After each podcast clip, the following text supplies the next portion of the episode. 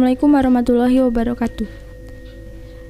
Selamat malam teman-teman pendengar podcast semi horor. Nama aku Sri Wahyuni yang berasal dari Garut. Tapi sekarang aku tinggal di Kuningan karena aku menempuh pendidikan di salah satu perguruan tinggi. Selama di Kuningan, aku tinggal di rumah bibi. Nah, dari sini aku ingin berbagi pengalaman mistis yang aku alamin selama di Kuningan yang belum pernah aku rasain selama di Garut. Kebetulan rumah bibi aku tingkat dan aku tinggal di kamar di atas. Kamarnya itu dulunya gudang, tempat penyimpanan barang.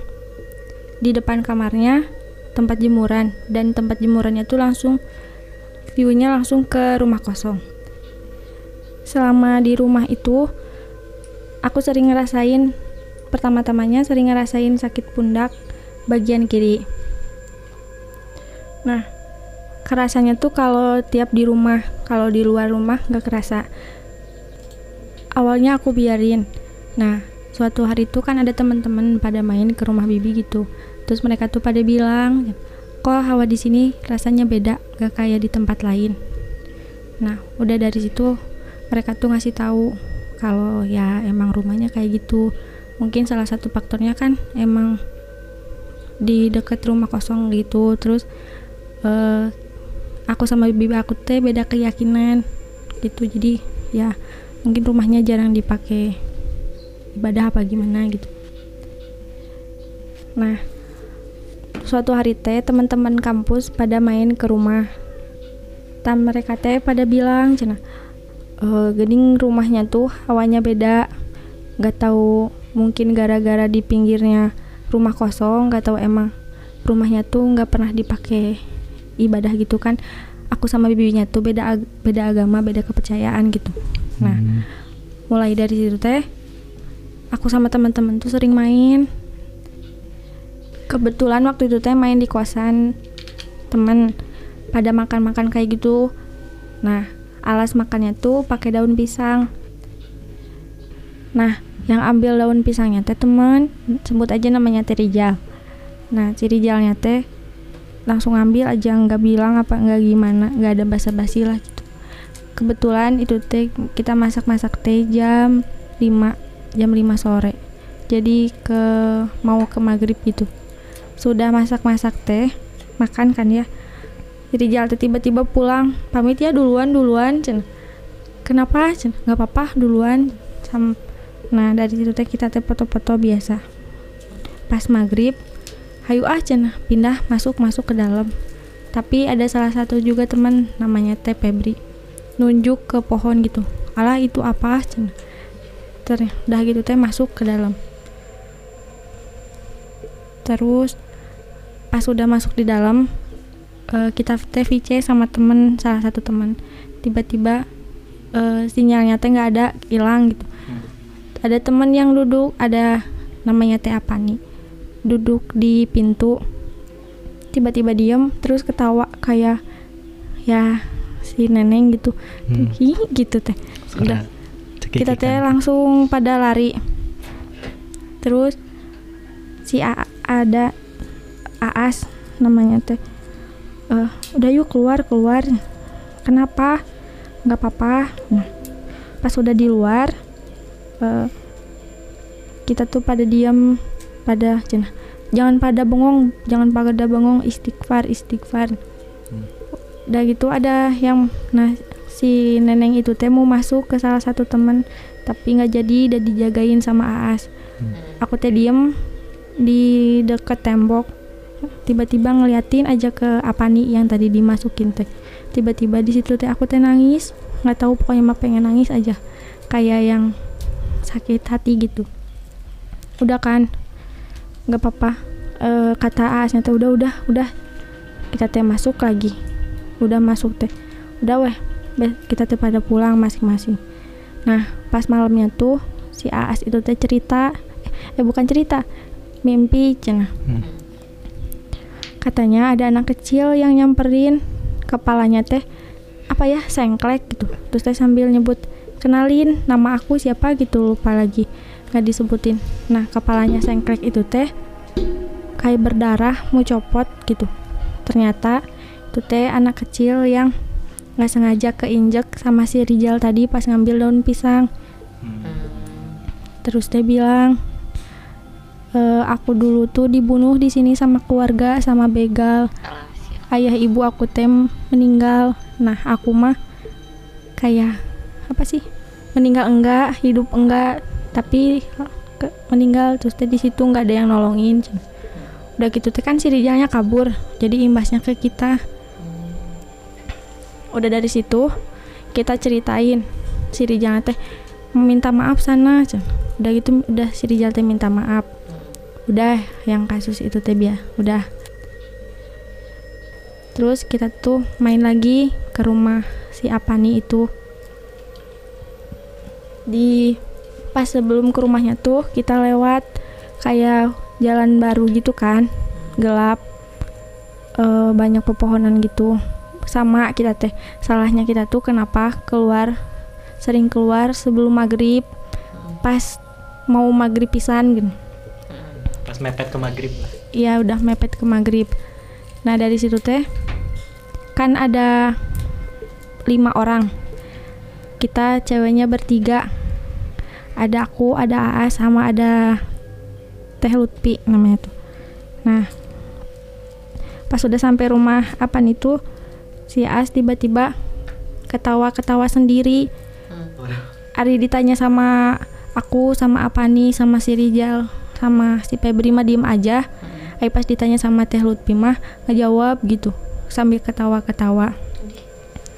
Udah gitu teh kan udah dia tiba-tiba sembuh sendiri. Nah, pas malam yang cewek tidur di kamar, yang cowok tidur di luar. Yang tidur di tengahnya tuh si Aas yang aku sama Teh tidurnya di pinggir. Nah, selama semalaman itu Aas teh bisa tidur. Terus sambil bilang gini, ini ih gatel, ini ih gatel sambil garuk-garuk kepala kayak ngambilin kutu gitu teh. Tapi yang kerasa sama aku tuh kayak ngap, kayak yang ditindihin apa gitu. Sedangkan Teh Lupi tidurnya tuh kayak nyenyak gitu. Itu tuh sampai pagi Aas kayak gitu. Pas besok paginya ditanya kenapa dia tuh nggak sadar. Ya meren emang yang masuknya bukan Aas.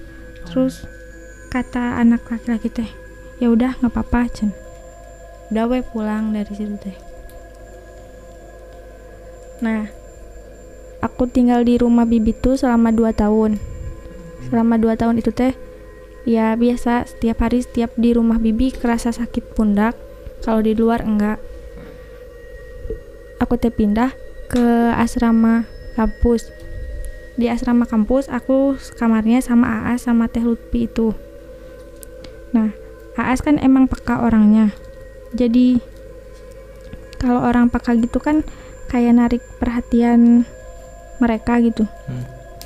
Nah, selain memang AAS peka, ternyata Teh Lutfi teh sering kayak bikin kelakuannya tuh kayak emang narik, Narik sama perhatian. narik perhatian ke mereka Hmm, mancing. mancing-mancing gitu. Malam-malam kan di asramanya tuh kacanya gede-gede, malam-malam sering ngaca, sering nyanyi-nyanyi. Terus kita tuh pernah kan aku sama As tidurnya di atas. Di malam pertama kita ngerasa biasa aja. Pas malam kedua kita tuh tidur di ranjang atas. Sedangkan Teh Lutfi tidur di ranjang bawah. Aku sama Aas tuh tidurnya belum belum bener tuh. Tidurnya masih ngasal tempatnya. Kebangun gara-gara HP di grup tuh rame. Pas dibuka katanya di kamar depan tuh ada yang lihat sama ada yang denger cewek nangis gitu. Nah tiba-tiba Aas tuh tangannya kayak gemeteran pas aku pegang kok malah nyetrum ke akunya. Udah gitu aasnya diem akunya malah nangis malah balik nangis. Kebetulan eh itu kejadian kejadian itu teh jam 12 malam. Kebetulan di asrama itu lagi rame. Udah gitu teman-teman pada nyamperin kan ke kamar. Kenapa kenapa?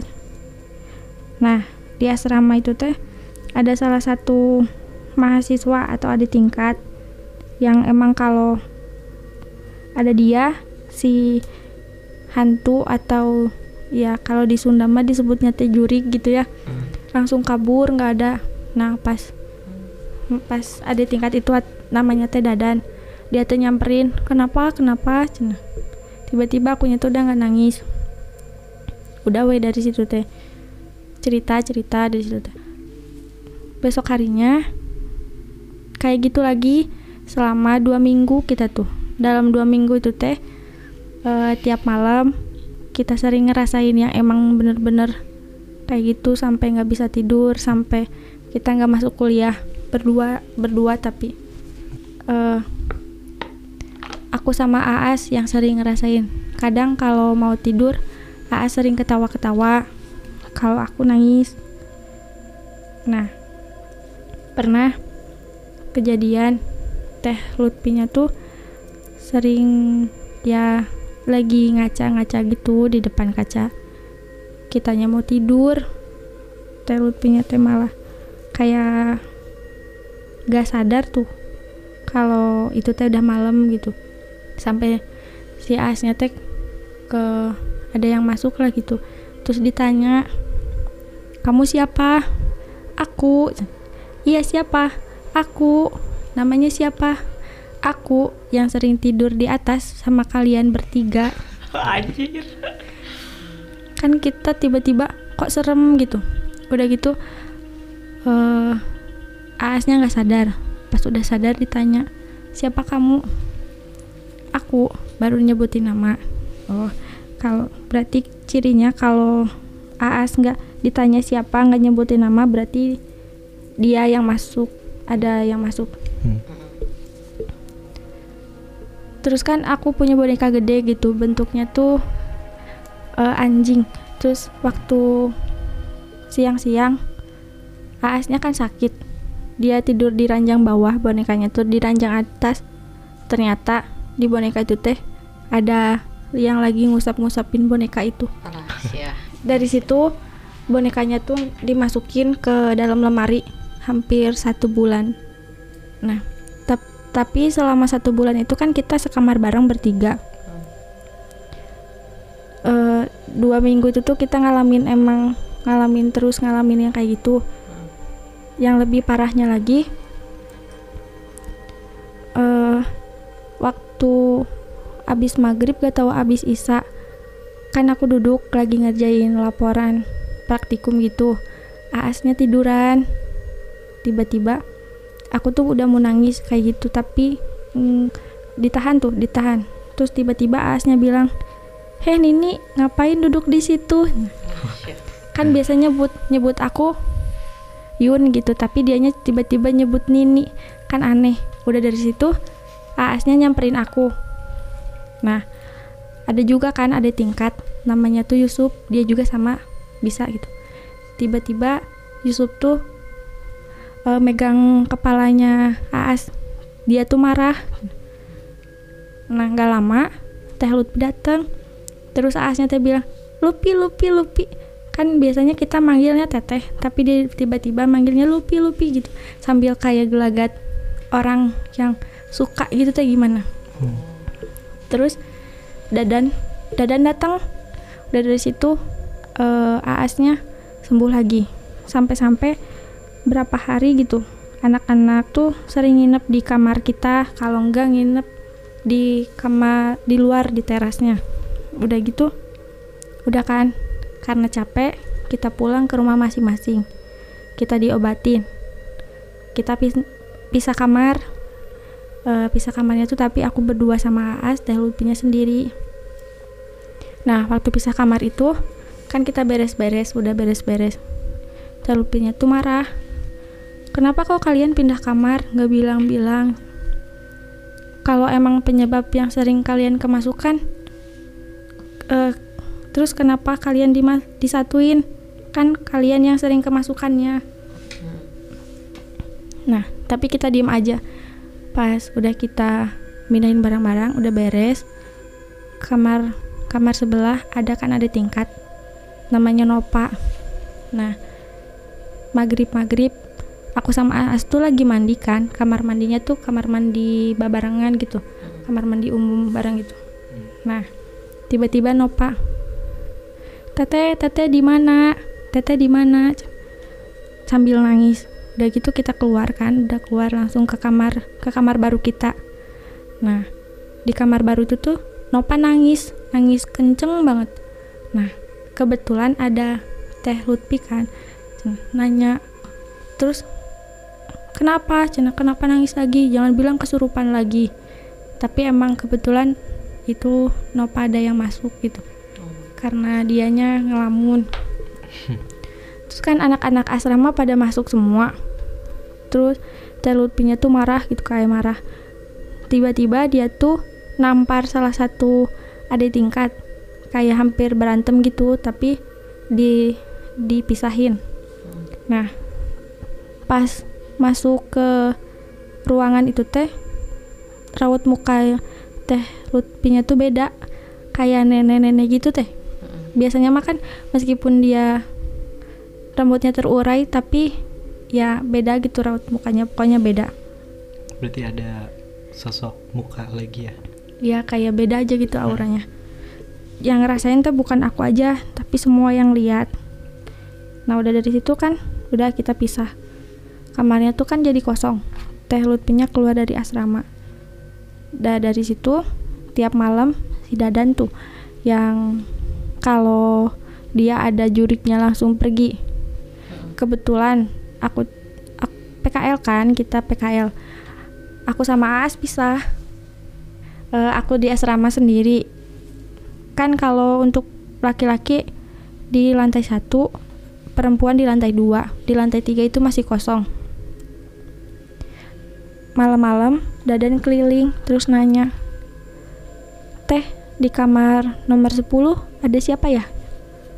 Gak ada kan kosong oh iya kamar nomor 10 tuh kamar yang waktu aku sama Aas sama Teh Lutfi bertiga waktu sekamar.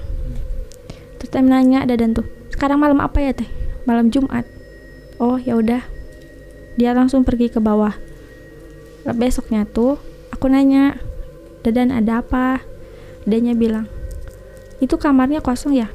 Iya. Oh ada yang nangis? Kira aku ada orangnya. Kan langsung wow gitu.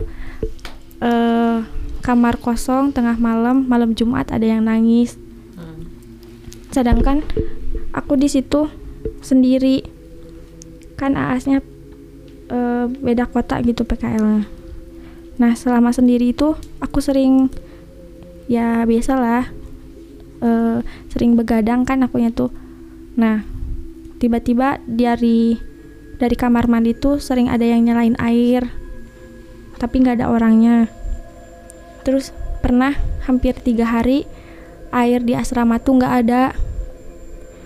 Nggak tahu tanpa sebab tuh. Terus dadan tep bilang gini jangan aneh.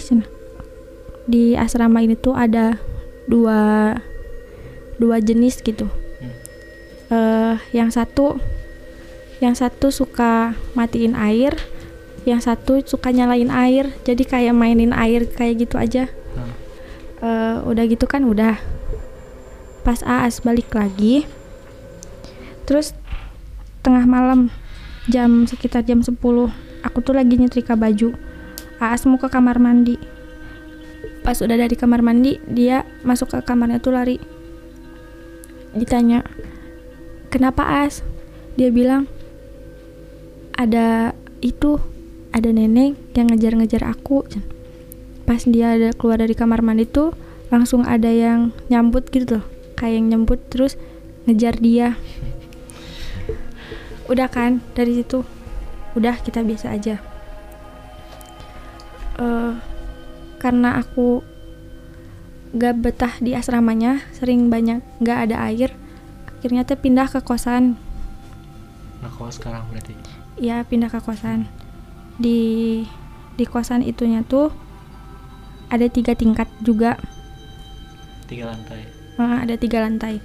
Lantai yang paling atas tuh tempat jemur baju. Eh, aku di lantai dua.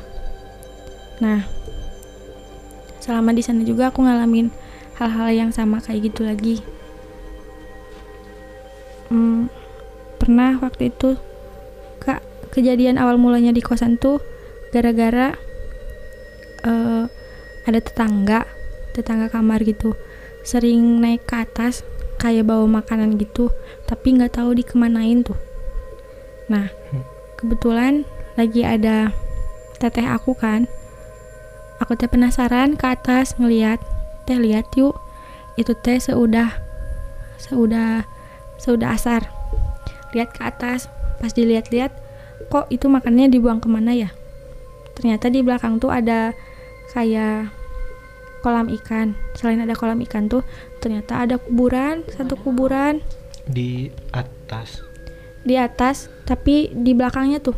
Jadi kalau kita ke atas lihat ke belakangnya tuh ternyata di belakang itu ada kuburan. Oh berarti posisi di belakang kosan. ya di belakang kosan tuh ada Tapi si yang bawa makanan ini bawa ke atas. ya bawa ke atas gitu. Nah kan di atasnya tuh kayak emang lega gitu ya. Luas. luas. Eh, di salah satu sudutnya tuh aku nggak pernah mau ke sana gitu. Tapi waktu itu teh aku ke sana ngelihat pas lihat itu teh ada kuburan ya? Nah, iya tahu udah gitu teh udah kan ke bawah. Dan nggak nggak nggak dapat apa-apa tuh pas lihat ke atas. Udah gitu eh aku teh kayak udah mulai ngerasa nggak nggak fokus udah pengen marah-marah gitu. Aku teh mau kabur tapi di dicegah sama si teteh sama si AA ada di situ. Eh, udah gitu gitu teh setengah enam setengah enam. Terus aku teh nangis tiba-tiba lari ke atas diem di sudut itu di pojok yang nggak pernah aku diemin teh nggak pernah mau ke sana. Hmm. nangis terus diajak teh nggak mau. Tapi setiap kayak gitu aku tuh suka sadar tapi nggak kayak nggak bisa kontrol diri tuh. Ya. udah kan dibujuk masuk. Maghrib maghrib katanya. Nah udah udah maghrib teh kita ke bawah kan udah sholat. Nah pas udah sholat tiba-tiba udah sholat maghrib tiba-tiba aku teh nangis kenceng nggak tahu kenapa. Si teteh teh lari malah pergi malah ninggalin. Tapi ada teman gitu di situ teh namanya teh Ilham meg apa kayak megangin terus teh nanya sama dia teh di video nanya siapa? Siapa? Tapi semakin ditanya siapa tuh kalah semakin nangis menjadi-jadi sambil ketawa teh. Kayak gitu. Eh, terus ada tetangga kamar lewat katanya dikirain akunya teh lagi bertengkar gitu. Padahal enggak. Itu sampai sampai isa.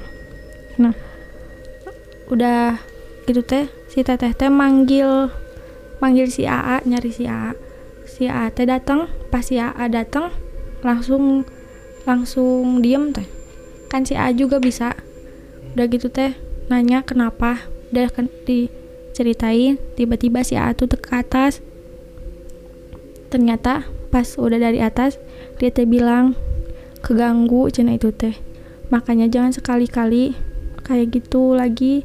Pokoknya masa udah asar nggak boleh ke atas.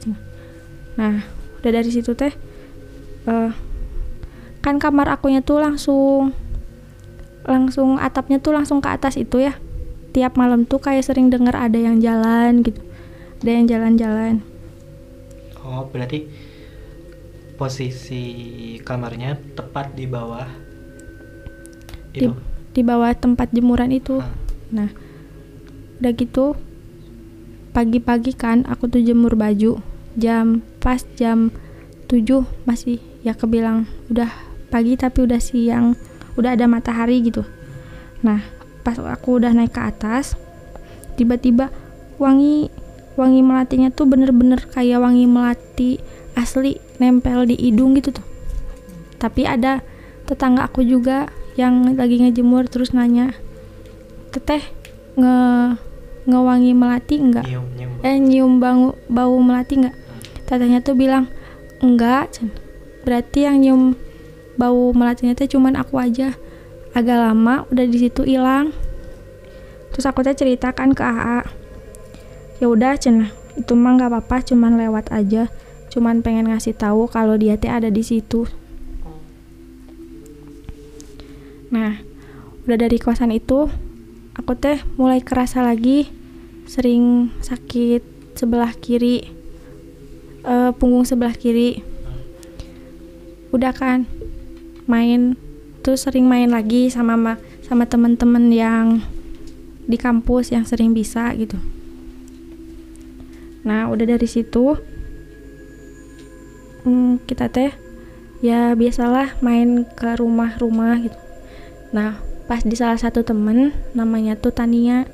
Tapi di rumah neneknya sama kita juga makan-makan gitulah. Makan-makan. Nah pas aku lagi cuci piring jam berapa ya? Jam pokoknya mah udah jam 9 jam 9 malam. Cuci piring di dapur neneknya. Di dapur neneknya tuh kayak ada topeng kesenian gitu. Terus emang tempatnya tuh kayak gelap kayak gimana sih? Eh hiem apa apa? Keeng. Ya kalau di bahasa Sundanya mah keeng gitu teh. Tah udah situ tiba-tiba ada suara kayak barang jatuh. Aku sama si Tania teh lari. Nah anak-anak di depan. Udah gitu teh kenapa? Kenapa? Enggak. Nah ada salah satu teman yang dia teh nggak bisa tapi penasaran gitu teh. Ke belakang dia teh. Ke belakang ke ke, ke dapur itu. Ngelihat topeng itu. Kayak yang penasaran.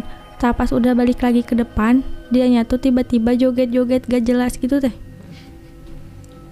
Udah gitu teh tapi dia teh pulang kalau yang lain mah nah selama kita nginep teh biasa kayak kerasa panas panas gerah gitu teh. Padahal nggak tempatnya tuh enakan dingin gitu. Tapi hawa ke kitanya beda. Hmm. udah dari situ eh pulang kan nah hampir enam hari aku teh panas demam tiap malam tuh. Terus keringetan kayak yang basah kayak yang abis mandi nggak dianduk gitu teh. Padahal hawa di kosan tuh dingin gitu. Nah waktu hari hari keberapa? Udah ham- hampir hari ke kelima aku teh mau tidur kan. Tiba-tiba pas lagi merem kayak ada langsung muncul gitu teh. Eh sosok kelihatan kayak perempuan rambutnya panjang tapi mukanya tuh merah gitu. Kayak kalau disebut mah ya bisa kuntilanak merah gitu ya. Pas merem. Ya pas merem mau tidur. Kan selama enam hari itu aku teh demam. Nggak bisa tidur tiap malam kebangun. Nah pas hari kelima pas mau merem tiba-tiba ngeliat sosok itu pas di depan muka pisan. Udah dari situ teh. Nggak bisa tidur aja. Nah kan nggak mau terus-terusan. Ya aku teh diobatin ke rumah ke rumah salah satu teman teman aku teh emangnya ada yang bisa. Terus teh sering nanya-nanya kenapa neng?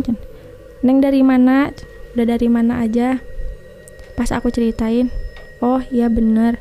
Terus aku ceritain yang mau tidur terus ngeliat sosok itu.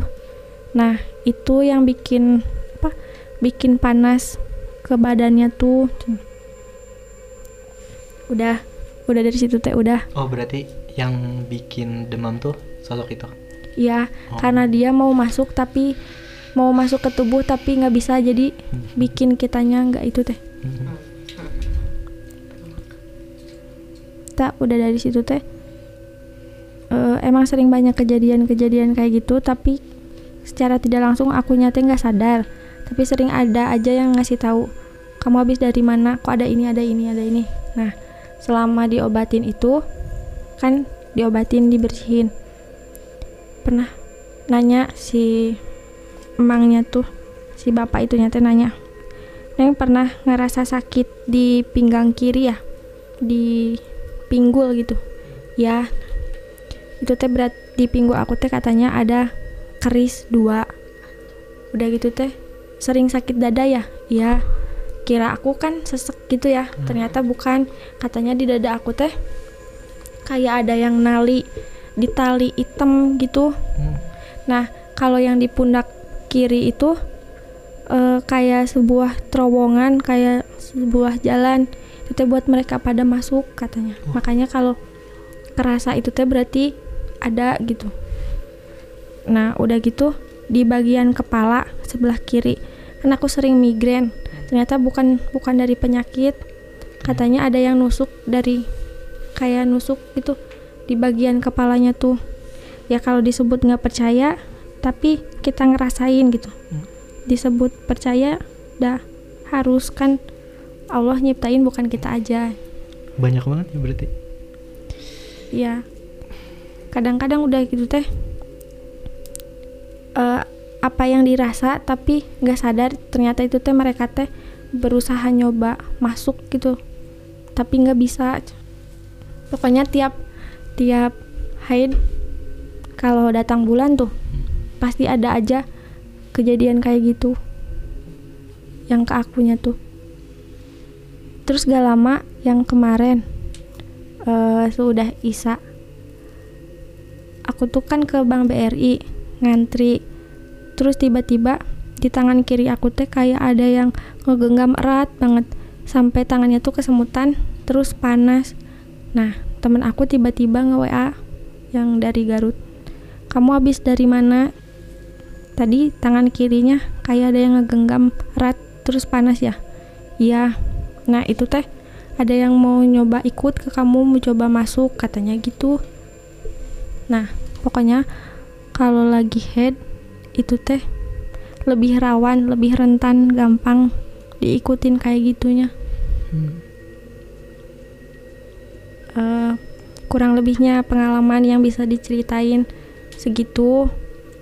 Eh yang lainnya ada yang lupa nggak tahu ada yang gimana gitu. Terima kasih kepada teman-teman yang sudah mendengarkan. Kepada yang mau percaya silahkan kalau enggak juga saya tidak memaksa. Harus itu harus percaya. Eh, sekian dari saya. Wassalamualaikum warahmatullahi wabarakatuh. Waalaikumsalam. berarti eh, ngalamin kejadian-kejadian kayak gitu tuh semenjak eh, apa ngerantau ke kuningan ya Iya semenjak ngerantau ke Kuningan baru ngerasa peka gitu. kalau di Garut mah nggak pernah kayak gini Nggak pernah. Soalnya eh, emang temen-temen lingkungan sekitarnya tuh nggak ada yang kayak nggak apa sih? Bukan nggak percaya, nggak nggak nggak memiliki kemampuan jadi nggak nggak terlalu peka gitu. Nah kan pas di Kuningan pasti ada aja waktu pulang ke Garut kan. Misalnya kalau mudik lebaran. Nah, kalau misalnya teh di di Kuningan tuh kerasa, tapi setiap pulang ke Garut tuh nggak pernah kerasa sakit apa gimana kayak orang sehat aja gitu. Nggak kayak orang nggak peka terhadap kayak gitu aja. Kayak orang biasa lagi ya pasti. Iya. kan. Berarti kalau kayak gitu mah si eh, faktor lingkungan juga mempengaruhi banget ya berarti kalau kayak kayak gitu-gitu. Iya, dari faktor lingkungan, dari faktor teman-teman atau kalau di sekeliling kita yang lebih peka terhadap itu kayak lebih ngundang gitu ke kitanya. Iya kayak ibaratkan kita deket sama yang suka jualan parfum kita eh, kena imbasnya baunya wanginya kita juga ke bawah wangi kali kayak gitu kali ya. Iya, teh kayak gitu. Eh, terus yang tadi masalah yang sama yang merah-merah. Nah, penasaran nih menurut pandangan si Teteh ya ini mah. Sebelumnya kan kita juga udah punya episode yang ngebahas yang merah-merah lah gitu. Katanya eh, si Huntu yang merah-merah itu katanya energinya lebih besar. Menurut pandangan si Teteh gimana? Bener nggak sih kalau kayak gitu? Iya, soalnya kan kemarin juga sama ya yang waktu ketempelan sama yang merah itu ke kitanya tuh hawanya panas, terus ngebawa malah mah sampai nggak kita mau sholat pun malesnya tuh bener-bener males gitu sampai selama sakit itu aku teh hampir nggak sholat gitu. Terus ke kita ke badannya tuh kalau yang nggak kuat ya kayak kayak aku sendiri dialamin sampai keringetan banyak kayak gitu. Kalau kemarin yang pulang dari BR Bank BRI itu ngerasa biasa aja tapi cuman kayak oh ada gitu Oh. Gimana nih, Jis? Di aja.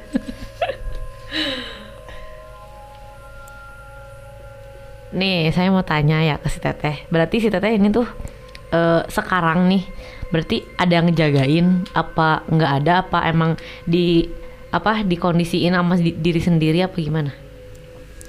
kalau temen yang bisa lihat mah bilangnya ada yang ngejaga Hmm. soalnya kalau emang gak ada yang ngejaga ke kitanya juga bener-bener nggak bisa kontrol terus nantinya malah ngebawa yang nggak bener tuh ke kitanya Oh, jadi kayaknya kita dikendaliin sama sama dianya kali ya yang ngejagain kita kali. Bisa ya kayak gitu. seenggaknya kita tuh masih bisa dikendaliin sama mereka tapi seenggaknya kita juga harus bisa kontrol diri nah pernah waktu itu di kosan yang kan ada yang dari dari atas kosan tadi ya nah sampai itu tuh aku sam- lagi kan pas-pasan lagi nyusun tugas akhir juga emang pikiran tuh bener-bener enggak nggak karuan gitu teh. Jadi sempat eh ke diri kitanya tuh kayak sering ada bisik-bisikan ngajak yang nggak bener gitu. Sampai pernah aku eh, nenggor-nenggorin kepala ke tembok. Tap- Bentur-benturin. Eh, eh, ngebentur-bentur ngebentur Orang Garut, orang Garut.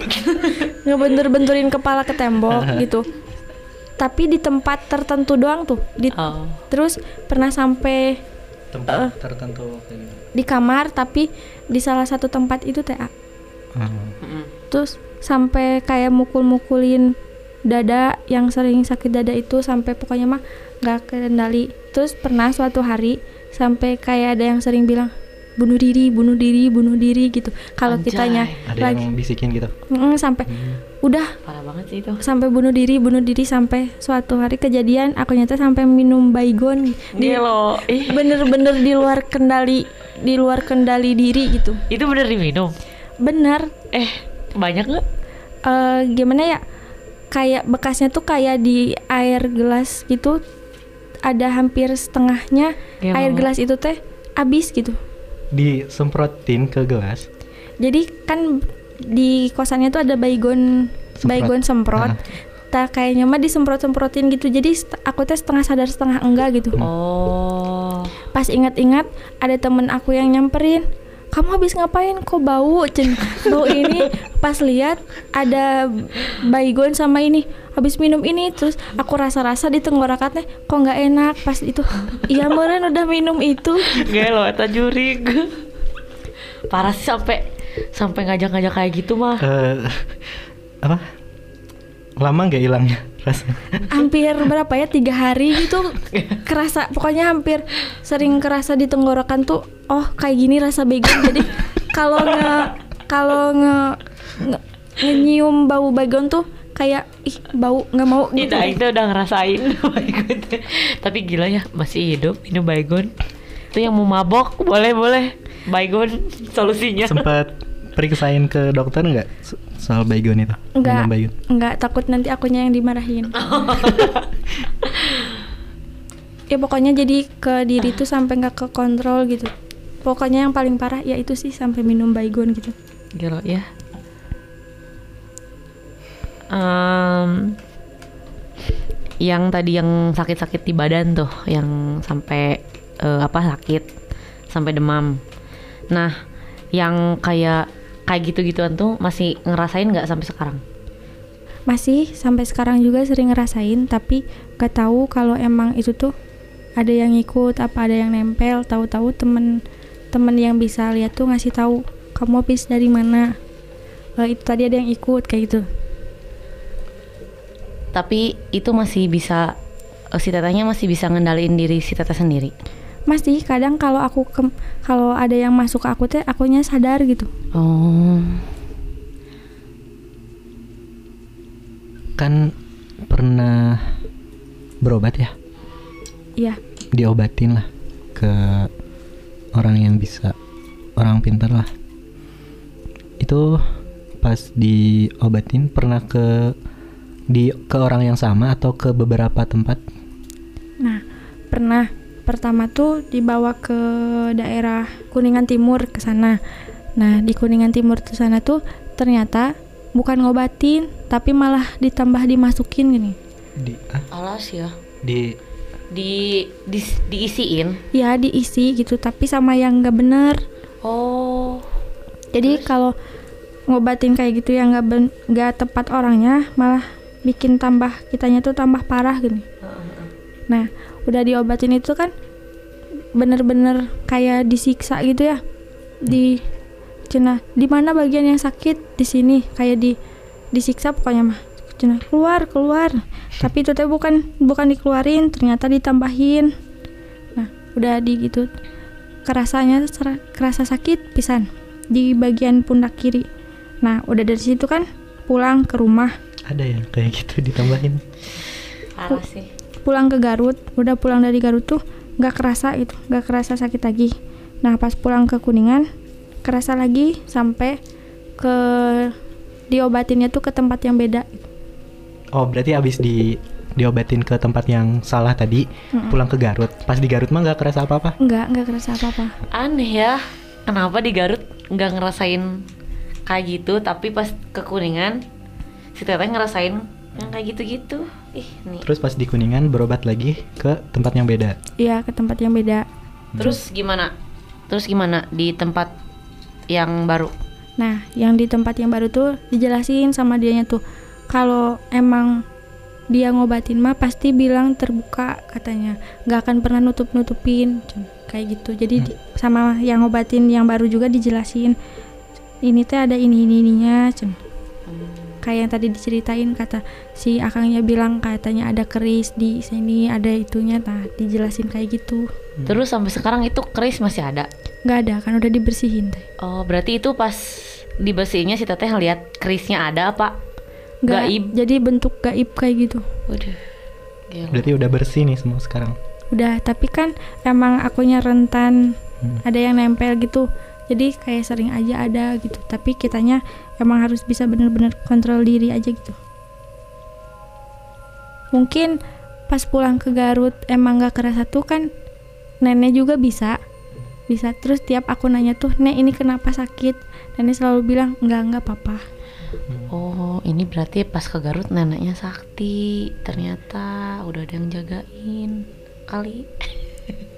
jadi kayak kayak misalnya ke rumah tuh emang gak ada nggak sakit gak apa gitu Nggak ngerasain apa-apa ya. Mm-mm, nggak ngerasain apa apa balik lagi ke orang normal gitu Eh, berarti intinya mah semenjak si teteh di Garut sebelum ke Kuningan nih, sebelum merantau ke Kuningan, si teteh teh nggak pernah nggak peka, nggak peka banget kan kayak Enggak. orang biasa gitu. iya kayak emang orang bener-bener nggak tahu ah nggak kan sering ada yang cerita tapi nggak nggak nggak ngerasain diri kitanya tuh Hmm, berarti kayak kita ya kali ya. Heh, Berarti aneh ya tuh sampai pas oh faktor lingkungan. iya tadi kayak teman-temannya tadi teman-teman kan ada yang pada bisa Heeh, kumpul berarti. gitu Berarti yang teman-teman si teteh sekarang di Kuningan pada bisa semua nih. Rata-rata yang emang sering kumpul pada bisa gitu. Ya udah kita namain komunitas pada bisa kali ya. Nanti lain kali kita undang. kan sekarang udah udah lulus ya? Udah apa? Hah, udah lulus? Udah beres. Udah beres Kuliahnya. kuliahnya. Terus rencana gimana? Rencana sih Mau- ba- balik lagi ke Garut gitu. Ah, balik ke Garut habis itu? Ya kalau dapat kerja atau gimana nya di kuningan ya balik lagi ke kuningan gitu. Alas ya. Terus eh, rencana berangkat ke Garut lagi kapan nih kayaknya? Eh, insya Allah kalau udah beres semua di kampusnya tuh Oh. kan masih ada ujian gitu. Nenek masih ada tapi kan? Masih masih masih ada. Umur berapa? Kurang lebih 70 tahun hmm, si nenek eh.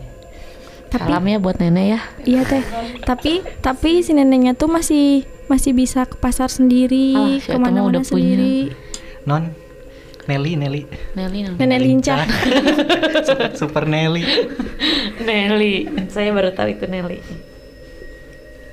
Pokoknya titip salam ya ke si neneknya dari podcast Semi Horor. Tolong ditelek-telek ini podcast bakal gimana ke depannya. boleh boleh boleh kita main ke Garut juga boleh oh iya iya nanti lain kali podcast Semi Horor main ke Garut. bakal apa Wawancarain si nenek.